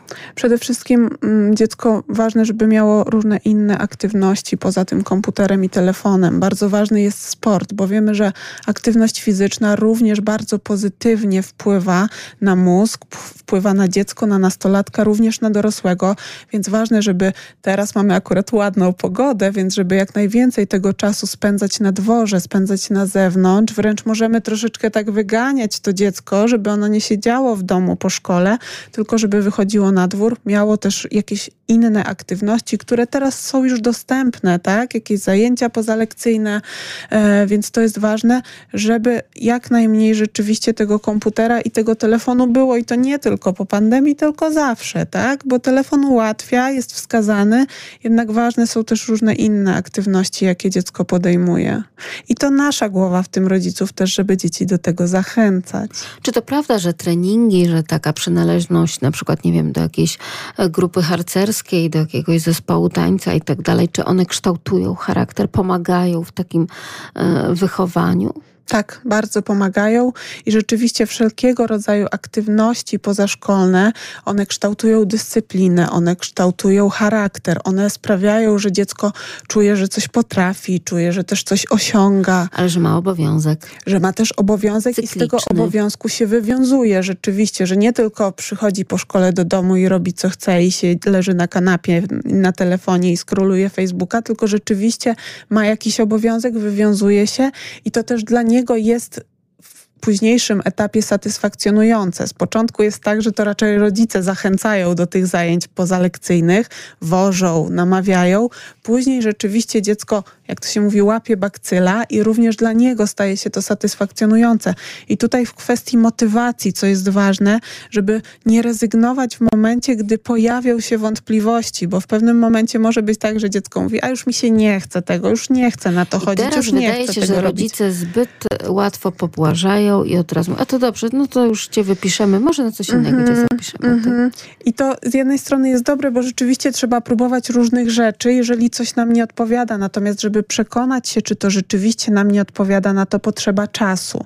I taka rezygnacja w momencie po czterech treningach nie jest wskazana, tylko warto to dziecko zachęcać, warto mówić, żeby jeszcze spróbowało, jeszcze kilka miesięcy pochodziło. Jeżeli ci nie będzie odpowiadało, to oczywiście wypiszemy cię i zapiszemy na coś innego, ale spróbuj, spróbuj jeszcze chwilę. Tutaj od razu nasuwa się taki temat, jak to stawianie granic przez osoby dorosłe, przez rodziców. Jakoś strasznie trudno nam e, teraz przychodzi wychowywać te dzieci. No, jakoś nie umiemy, tak? Tych granic stawiać. Pytanie, czy kiedykolwiek umieliśmy? Śmiejemy się, że jednak kiedy rodzi się dziecko, zwłaszcza pierwsze dziecko, to jest tak jakby wylecieć helikopterem na środek oceanu, otworzyć podest i powiedzieć skaczcie rodzice i radźcie sobie, tak? Więc rzeczywiście sytuacja jest wtedy bardzo trudna i my się wszystkiego uczymy tak naprawdę i uczyć się zawsze będziemy. To nie będzie tak, że kiedyś ci rodzice pierwszego dziecka będą wiedzieć i będą potrafić, to zawsze tak będzie, że będziemy się tego uczyć. No, zwłaszcza, że nie ma jakichś szkół, tak? Niestety nie ma szkół. Chociaż coraz więcej właśnie tych warsztatów, spotkań, także -hmm. być może rozmów z psychologiem, który potrafił kierunkować, e, nawet kiedy wszystko jest okej, okay, tak? Ale chcemy być, no właśnie, no jakby prężniejsi w tym wychowywaniu, jakby no wiedzieć na przykład, jak rozmawiać z nastolatkiem, jak stawiać te granice także i małym dzieciom, e, no jak być tym coraz lepszym po prostu rodzicem i do do tego też służy na przykład Pani gabinet? Tak, dokładnie. To poradnictwo dla rodziców, które ja również prowadzę, jest bardzo pomocne, dlatego że my jako rodzice też mamy bardzo wiele wątpliwości, czy aby dobrze robimy, czy dobrze postępujemy, czy to, co zrobiliśmy, było odpowiednio adekwatne i zawsze mamy, często mamy w głowie taką myśl, czy przypadkiem za te 10-15 lat nie będzie mieć nam dziecko tego za złe, tak? I to jest absolutnie naturalne, że mamy mnóstwo wątpliwości i wtedy warto udać się do psychologa, psychologa, do terapeuty, który w jakiś sposób będzie nam pomagał znaleźć rozwiązania dotyczące tych naszych wątpliwości. On nam nie powie, jak będzie i on nam nie powie, jak mamy zrobić, żeby było dobrze, bo każdy człowiek jest inny i tak naprawdę nie ma dobrze. Zawsze jest inaczej i u jednego zadziała coś innego, u drugiego coś innego. Natomiast on będzie nam pomagał w poszukiwaniu rozwiązań tych naszych dolegliwości, z którymi się do niego zgłosimy. To oznacza, że nie należy bać się takich wizyt, nawet wtedy, kiedy wydaje się, że no, zgoła wszystko jest w porządku i tak dalej, bo możemy spotkać tam taką wskazówkę, która nas po prostu wzmocni. Oczywiście, że tak. Ja od co drugiego pacjenta słyszę po wejściu do gabinetu, tak się stresuję, tak się boję, nie wiem co będzie. I, I, rzeczywiście nie należy się bać tych wizyt. I rzeczywiście miewam też takie rodziny, które mówią: Zgłosiliśmy się, nie ma większych problemów, nie ma większych dolegliwości, ale chcielibyśmy poznać swoje dziecko, chcielibyśmy poznać siebie nawzajem. I to jest bardzo ważne i ja bardzo do tego zachęcam, dlatego że kiedy kupujemy pralkę albo lodówkę, to wczytujemy się w instrukcję od góry do dołu, natomiast żeby poznać instrukcję funkcjonowania naszego mózgu, poznać jakby funkcjonowanie rodziny, no do tego już nie jesteśmy tak chętni, więc ja jednak bardzo zachęcam, żeby nawet, aby się lepiej poznać, udać się na jedną taką wizytę i zobaczyć, co psycholog, co terapeuta będzie miał nam do zaproponowania. Ja bym bardzo chciała, żeby każdy w naszym życiu miał chociaż jedną wizytę u psychologa. A dlaczego? To mogłoby bardzo wiele wnieść, to mogłoby bardzo wiele nam pokazać i bardzo moglibyśmy znaleźć odpowiedzi na wiele naszych pytań tak naprawdę. Wiadomo, że jedna wizyta to nie jest terapia i w przypadku poważniejszych dolegliwości to nie byłoby tak, że sprawa byłaby załatwiona, natomiast warto z psychologiem porozmawiać, bo tak naprawdę każdy z nas ma jakieś wątpliwości. I warto do psychologa przeprowadzić dziecko i jak mu mówić o takiej wizycie, czy na przykład, nie wiem, albo to będzie teraz taka pani doktora, co to za pani doktora, ona nie ma fartucha, nie ma stetoskopu, a w ogóle, a coś tam. Przede wszystkim mówić prawdę. Ja zawsze stoję przy tym zdaniu, że przede wszystkim trzeba mówić prawdę dziecku, czyli nie kłamać go, że będzie coś innego niż ma być, tylko że wybieramy się do takiej pani, to jest pani psycholog, ona zajmuje się zdrowiem psychicznym, porozmawiamy sobie z panią psycholog. A co to jest zdrowie psychiczne? No, na pewno pojawią się takie pytania, to można powiedzieć, jeżeli już nie chcemy się zagłębiać w temat, to pani psycholog ci wytłumaczy.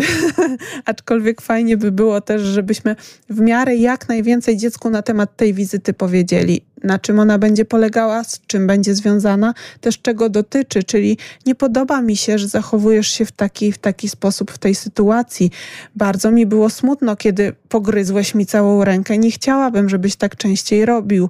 Chciałabym, żebyśmy razem dowiedzieli się, co możemy być może wspólnie zrobić, żebyś poczuł się lepiej i żebyś w taki sposób się więcej nie zachowywał.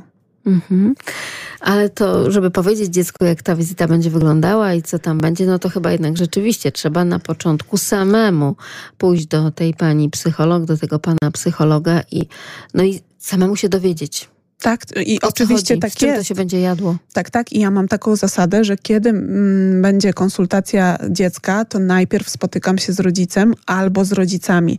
Rozmawiam z nimi na temat problemu, na temat tego, co się dzieje, zadaję bardzo dużo pytań i oni będą wiedzieli później, jak ta wizyta będzie przebiegać, bo ja bardzo wiele rzeczy też tłumaczę i ja muszę najpierw się dowiedzieć, z czym oni tak naprawdę się pojawiają, no bo też jest tak, że przy dziecku o wielu rzeczach nie chcą mówić albo nie mówią, e, i jakby jest trudniej wtedy dojść do sedna problemu, a z dorosłymi jednak na początku jest zdecydowanie łatwiej. Wielu pedagogów, wielu nauczycieli po prostu mówi o tym, że te dzieci do szkół wróciły jakieś inne e, po tej długiej przerwie tak, tego nauczania zdalnego. Czy rzeczywiście zatraciły dzieci taką umiejętność tych e, no, może nie tyle nawiązywania, co kultywowania tych relacji społecznych przez ten czas. No, ktoś by powiedział, no ale co to było? No przecież tylko tam dwa semestry, trzy semestry, tak? Mhm. Ja bym powiedziała, że ta umiejętność została wygaszona, być może ym, z tego względu, że pojawiło się bardzo wiele obaw u dzieci i nastolatków. Pojawiły się obawy o to, czy oni będą potrafili dalej, tak, te relacje utrzymywać, będą potrafili się komunikować, będą potrafili te relacje nawiązywać i te obawy mogły po prostu przyćmić tę umiejętność, tak, wejścia w tą, grup, w tę grupę społeczną. Więc one zostały wygaszone, natomiast jest bardzo ważne to, żeby pomóc dzieciom, pomóc nastolatkom wydobyć je z powrotem na powierzchnię, bo oni to mają, bo oni uczęszczali do szkoły i to było. Natomiast to w jakimś momencie zostało przerwane. Tak, troszkę pół żartem, pół serio. Pamiętam podczas jednego z programów, tak rozmawialiśmy z radiosłuchaczami, no jak ci młodzi ludzie, już tu nie mówimy o dzieciach, tylko właśnie młodych ludziach, jak oni randkowali, jak oni w ogóle nawiązywali te pierwsze często miłości i tak dalej, jak ciągle musieli -hmm. być odseparowani, -hmm. jak mhm. byli po prostu w zamknięciu, jak nie mieli tego -hmm. kontaktu, jak mieli mhm. tylko ten świat e, wirtualny. Wiem, że tak może śmiesznie i dowcipnie, ale nawet na takim unaocznieniu sobie, chociażby takiej właśnie sytuacji, tak, e, kiedy to no, rok z życia, tak, e, więcej nawet te dzieci miały nagle wycięte i ta młodzież, no to tak naprawdę przecież przez taki rok to się mnóstwo w takim normalnym, naturalnym życiu i naturalnym funkcjonowaniu mogło zdarzyć. To mogły być już piąte, szóste, siódme i ósme relacje, to mogłyby być takie, a nie inne sytuacje, takie spotkania, randki, wspólne wyjazdy i tak dalej. Mhm. I rzeczywiście te relacje zostały po prostu przeniesione do internetu, czyli oni się nie spotykali, natomiast nawiązywali znajomości. Jest mnóstwo przecież teraz aplikacji, które pozwalają poznawać nowe osoby, zawierać nowe relacje, więc rzeczywiście te znajomości zostały przeniesione do internetu. No a kiedy była taka możliwość, były w jakiś sposób później znów przenoszone do realnego świata, do realnego życia, te, które przetrwały, rzecz jasna. No, takie przerzucanie troszeczkę, prawda? To, mm. to było, ale czy mm, to też nie jest tak, że nam wszystkim jest ciągle trudno żyć, y, nawet teraz, jeszcze w takim zawieszeniu, prawda? Z takim dużym znakiem zapytania, no co będzie dalej, tak? Co będzie jutro? Y, I to jest coś, co no, uniemożliwia bardzo wielu osobom, które często lubiły tak sobie wszystko planować. No pamiętamy te y, chociażby problemy z zaplanowaniem tegorocznych czy ubiegłorocznych mhm. wakacji, prawda? Wyjazdów, mhm. wypoczynku i tak dalej. To troszkę też y, może nam jakoś tutaj dezorganizować życie i także nasze myślenie o, o tym, jak my jesteśmy osadzeni w tym współczesnym świecie. No właśnie, to dla nas dorosłych jest trudne, więc jak trudne musi być dla naszych dzieci. E, I rzeczywiście ten fakt, że nie wiemy, co się za chwilę wydarzy, zewsząd jesteśmy też bombardowani różnego rodzaju komunikatami, że nie wiadomo, co się za chwilę wydarzy, jest dla nas trudne i stąd pojawiają się różne różnego rodzaju zaburzenia lękowe na przykład. Pojawia się bardzo wiele, wiele obaw, pojawia się bardzo wiele lęków u dorosłych również z tego względu, że jesteśmy cały czas w tym zawieszeniu i nie wiemy, co się wydarzy. No, podobno było tak, że nawet rodzice nie wiedzieli, co się dzieje z ich dziećmi, czyli na przykład, nie wiem, e, telefon ze szkoły, a przepraszam, dlaczego pani syn nie jest obecny na zajęciach? No jak to nie jest, przecież siedzi w pokoju i komputer mm -hmm, ma włączony, mm -hmm, tak? Mm -hmm, tak. To rzeczywiście no tutaj te, te, światy nam się rozjeżdżały, jeszcze bardziej niż chyba w, w takim realnym życiu, o dziwo. Bardzo, a mamy takie czasy, że rzeczywiście coraz więcej tego naszego życia jest przenoszone do komputera i to jest w porządku, bo to bardzo wiele ułatwia. Natomiast w momencie, gdy pojawił się lockdown, gdy rzeczywiście i było to zdalne nauczanie, my jako dorośli pracowaliśmy zdalnie, mam takie poczucie, że tego było troszeczkę za dużo. Dla obu stron. Dla prawda? obu stron. Czyli tutaj jakby jedna i druga niestety nie dźwigała tego. Co możemy zrobić e, dla tych naszych dzieci, e, żeby no, troszeczkę jeszcze e, no, dać im tego życia, tego dzieciństwa, no, także tej energii płynącej właśnie tak ze świata. Na przykład szkoły co, co jest w ogóle niesamowite, wyszły teraz z taką inicjatywą, że e, wrzesień to jest czas wyjazdów, wycieczek, integracyjnych spotkań, bez względu na to, jaka to jest klasa. Mhm. Od razu z mety mhm. dzieci i na to oczywiście mają zgodę od mhm. rodziców, y, nauczyciele i pedagodzy z komitetów rodzicielskich, mhm. także wszyscy wyjeżdżamy, jesteśmy gdzieś, integrujemy się. Podobno nie ma miejsc w tych takich mm, pensjonatach właśnie, gdzie najczęściej klasy wypoczywają odpoczywały, zielone szkoły, wszystkie terminy mają zabukowane i tak dalej, i tak dalej. Chodzi też o to, żeby jakby zdążyć przed mhm.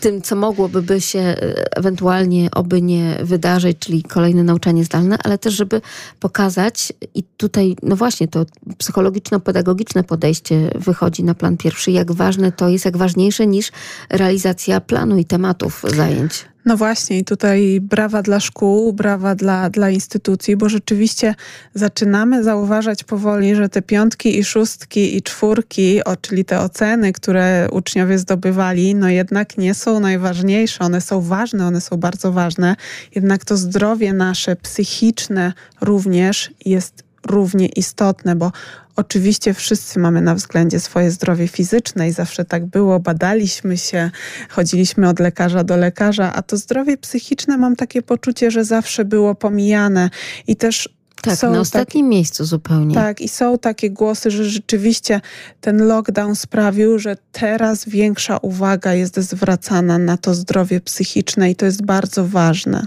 Już nie mówimy tylko, nie przejmuj się, nic ci nie będzie, a to zaraz, a jutro też jest dzień, wstaniesz, zobaczysz, będzie inaczej. Tak, a wiemy, że to nikomu nie pomaga, kiedy powie się nam nie przejmuj się, jutro też jest dzień, bo to jakby niczego nie rozwiązuje, to nie rozwiązuje problemu i w żaden sposób nie pomaga. Tak, nawet to sakramentalne mod modne ostatnio powiedzenie, co cię nie zabije, to cię wzmocni, mm -hmm. tak? To mhm. też zupełnie, zupełnie nie tędy droga. W ogóle to nie jest prawda przede wszystkim, bo coś nas może nie zabić, ale może nas sponiewierać tak, że nie będziemy wiedzieli później jak żyć, więc nie musi nas wcale wzmacniać. Ono może nas wzmocnić, ale wcale nie musi, może nas sponiewierać i później zostawić tak leżącego. No to jak reagować na to, nie tylko wtedy, kiedy to nasze dziecko mówi, ale ktoś być może z naszego otoczenia, że no tak mi źle tak naprawdę. Mhm. Rozmawiać samemu i wybierać się do specjalisty przede wszystkim. Psychologa, psychoterapeuty, terapeuty, czy to psychologa szkolnego, pedagoga, do jakiegoś specjalisty, który będzie mógł udzielić wsparcia, bo to jest najważniejsze wsparcie. Musimy my sobie wzajemnie jako dorośli i też dorośli dzieciom udzielać wsparcia, bo tego teraz potrzebujemy, bo jesteśmy w trudnym czasie, bo są z nami bardzo trudne emocje, których też często nie było wcześniej i potrzebujemy wsparcia, a to wsparcie właśnie może udzielić pedagog, psycholog. Mówiła Pani o rozmowie, o tym, że trzeba rozmawiać. No, wydaje się, że Gdzieś kiedyś w tych latach minionych rzeczywiście bardzo dużo się rozmawiało w gronie znajomych, rodziny. Jedna pani drugiej pani się wygadała, jeden pan drugiemu panu też, tak? Bo jakby mówi się o tym, że tutaj oczywiście tę łatwość mają jednak kobiety mhm. w tym takim opowiadaniu sobie, a wiesz, dzisiaj u mnie to się to, to, to, to, to, to zdarzyło w pracy, a w domu to, to, to, to, to. I był to taki swego rodzaju katarzis, tak? Takie oczyszczenie z tych wszystkich frustrujących emocji, zwłaszcza, że po pierwsze zostały one wypowiedziane, y, nie do ściany, tak, tylko jednak do kogoś, kto, kto wysłuchał, przytaknął no, wtedy, kiedy miał przytaknąć, odniósł się do tego z własnej perspektywy, y, zostało to omówione, prawda? Tak, i z jednej strony też mam takie poczucie, że mówimy nie bądź egoistą, nie bądź egocentrykiem, bo to źle, a z drugiej strony troszeczkę dzisiejszy świat idzie w kierunku takiego indywidualizmu, w kierunku tego, żeby kręcić się tylko wokół własnej osi, żeby martwić się tylko tym, co jest wkoło nas i niczym innym, nie rozmawiać, nie dzielić się tymi problemami i dolegliwościami, co nie jest dobre, bo jednak jesteśmy istotami społecznymi, potrzebujemy drugiego człowieka do tego kontaktu, rozmowy. Komunikator internetowy internetowy nie zastąpi rozmowy, telefon też nie zastąpi rozmowy. Kiedyś te rodziny wyglądały też inaczej, były rodziny wielopokoleniowe, one mieszkały razem, czy nie mieszkały razem, ale spędzały razem czas i dlatego też dzieliły się tymi problemami i próbowały je ra razem rozwiązywać, a w tej chwili zazwyczaj rodzice mieszkają z dzieckiem, babcia gdzieś tam daleko, jest kontakt sporadyczny, więc Często jest to, to są zupełnie inne kraje. Tak? Dokładnie, więc jest to zdecydowanie utrudnione, a jednak jesteśmy istotami społecznymi i drugiego człowieka potrzebujemy bardziej niż nam się wydaje. I też taki żal tej babci czy dziadka, że no tak, no rozmawiałem, no ale tylko przez komunikator, mm prawda? No Albo widziałem, przez Skype. Tak, widziałam, ale no tylko tutaj gdzieś tam na laptopie, prawda? -hmm. Nie ma blisko tak, tego, a to obu stronom jest potrzebne. E, no i tak oto zamknęłyśmy, tak, ten temat, bo wyszliśmy dzisiaj od książki Paula McCartneya Zielona Łódź Podwodna Przedziadka. To tę książkę w prezencie przyniosła dla Państwa, dla naszych radiosłuchaczy Agnieszka Starok, wydawnictwo Tekturka. Ja tylko przypomnę, rodzice małpka radio.lublin.pl. Jeżeli ktoś z Państwa chciałby opisać takie relacje pomiędzy tym starszym, czyli właśnie przedziadek i przebabcia, powierzymy, że tacy również są u nas w polskich rodzinach, czyli dziadkowie i wnukowie, no to oczywiście czekamy na tego typu listy. Jeszcze książki mamy dla Państwa, rodzice małpka.radio.lublin.pl. A ja dziękuję za wizytę w studiu. Pani Magdalena Żukowska, psycholog, psychoterapeuta, była razem z nami. Wierzymy, że to nasze jedno z pierwszych, ale myślę, że kolejne będą także takie Dziękuję spotkania bardzo. przed mikrofonami. Dziękujemy bardzo. Dobranoc. Magdalena Lipiec-Jeremek. Kłaniam się.